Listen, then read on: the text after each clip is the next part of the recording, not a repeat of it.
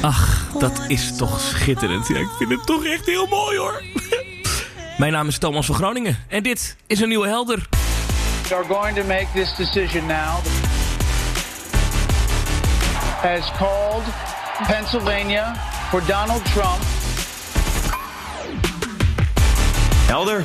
This means that Donald Trump will be the 45th president of the United States. Het voelt misschien als heel lang geleden, maar dit was vier jaar terug.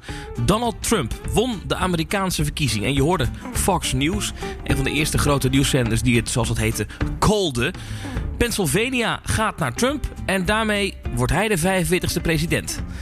Ja, dat klinkt misschien logisch en wellicht weet je ook wel een beetje dat je kiesmannen moet winnen door staten te winnen om de Amerikaanse verkiezingen te winnen.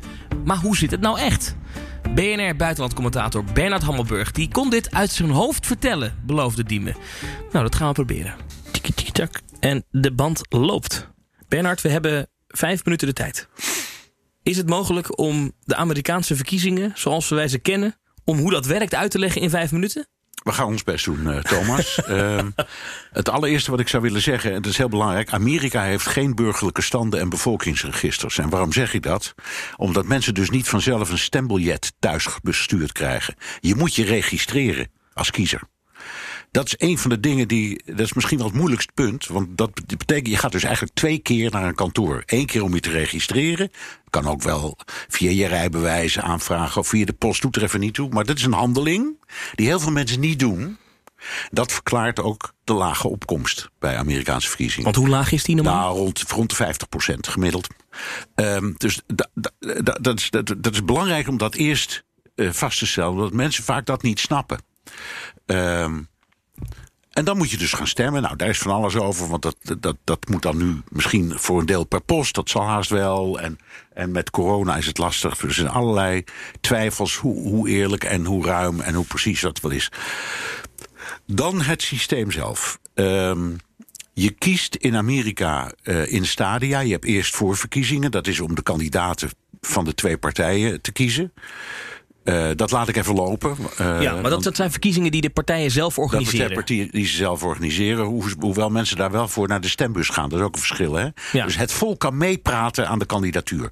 Dat is eigenlijk een heel belangrijk ding om vast Ik heb daar nog één vraag over. Kort, we slaan ze over. Maar je hebt daar wel verschillende vormen van. Want je hebt inderdaad gewoon stemmen. Ja. Maar je hebt ook Caucus, caucus, ja. Dat, de, de, meeste hebben gewoon voorverkiezing. Dat heet een primary. En uh, je hebt ook uh, een caucus. En dat betekent dat mensen in kerken, in scholen, in, in, in, in allerlei kantoorgebouwen bij elkaar komen. En daar staan dan vertegenwoordigers van de verschillende kandidaten. En daar gaan groepen mensen mee praten. En uiteindelijk tellen ze hoeveel mensen zich aansluiten bij een van die woordvoerders. En dat wordt dan de aangewezen. Die, die, die, die, die wint. de, die wint. Dat is ook gek. Nee, het is een, ja, maar goed, het, is, het zijn allemaal tradities okay. die zo gegroeid zijn. Maar goed, dat is voor de voorverkiezingen om uiteindelijk tot, tot de dan kandidaten te komen. Dan heb je eigenlijk twee kandidaten, hè, in dit geval Biden en Trump. Dan krijg je de verkiezingen zelf, die zijn op 3 november. Uh, en dan stem je als Amerikaan niet op die kandidaat, maar voor die kandidaat. Dat is een verschil. Dus ik breng niet een stem uit op Biden of op Trump, maar voor Biden of voor Trump. En waar gaat die stem nou heen? Die gaat naar iets dat heet het kiescollege. Uh, kiesmannen wordt dat ook wel genoemd. Ja. Dus de Amerikaanse grondwet die heeft erin voorzien dat, uh, je, uh, dat er 538 uh, kiesmannen worden gekozen die in een veel later stadium, meestal pas ergens in januari of, zo, uh, zelf uh, vaststellen wie van de twee kandidaten de president is. Dat is formeel, want we weten de uitslag al. Maar dat is er toch. Waarom 538? Dat is, er zitten 435 mensen in het Huis van Afgevaardigden. Er zijn 100 senatoren, dat is 535. En dan heb je ook nog de vertegenwoordiging van de District of Columbia en nog wat andere dingen die officieel geen status hebben. Puerto Rico. Ja, Puerto Rico. Dus dan kom je op 538. En uh, uh, het systeem werkt dan zo: dat wordt per staat geteld. En dat maakt, dan wordt het ingewikkeld, want daarbij geldt bijna overal winner takes all. Dus degene die de helft plus één van de stemmen op zijn naam krijgt, die krijgt voor die staat alle kiesmannen. En daardoor kan het soms gebeuren dat er meer stemmen op een kandidaat worden uitgebracht dan op een andere kandidaat. En dat die andere kandidaat uiteindelijk toch wint. Want door dat winner takes all systeem, in alle staten bij elkaar opgeteld, kan het zijn dat je wel meer kiesmannen hebt.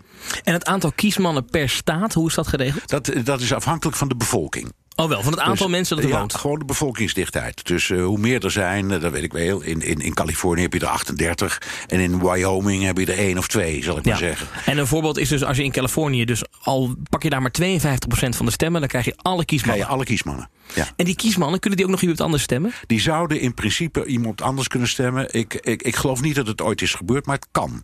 Oh. Ehm, en het is net zoiets als dat bij ons de koning vetorecht heeft.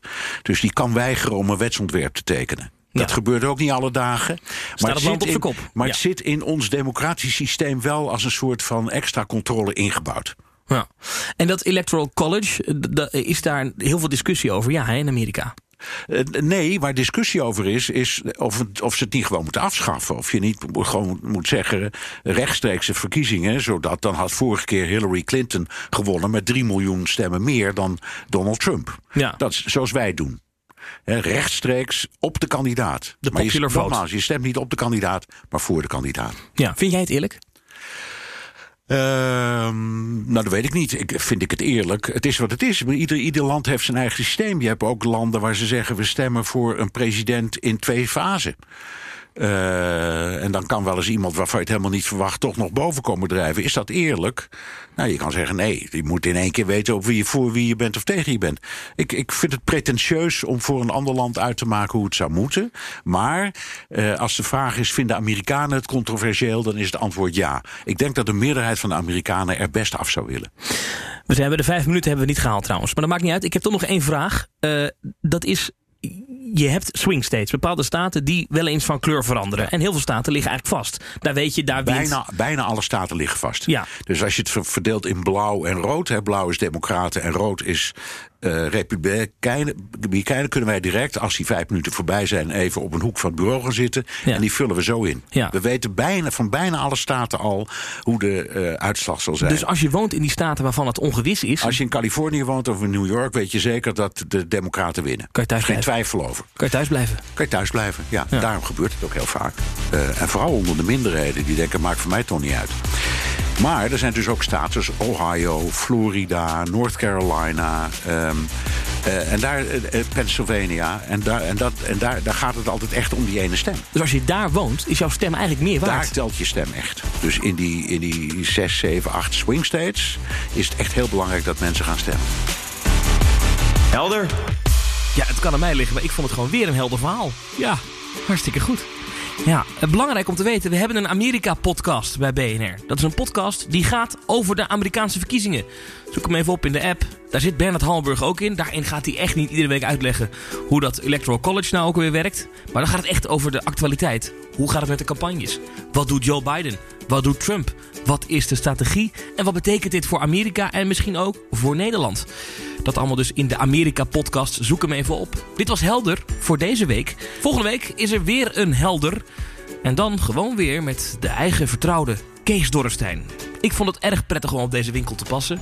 En ik hoop dat ik je snel weer spreek. Tot dan.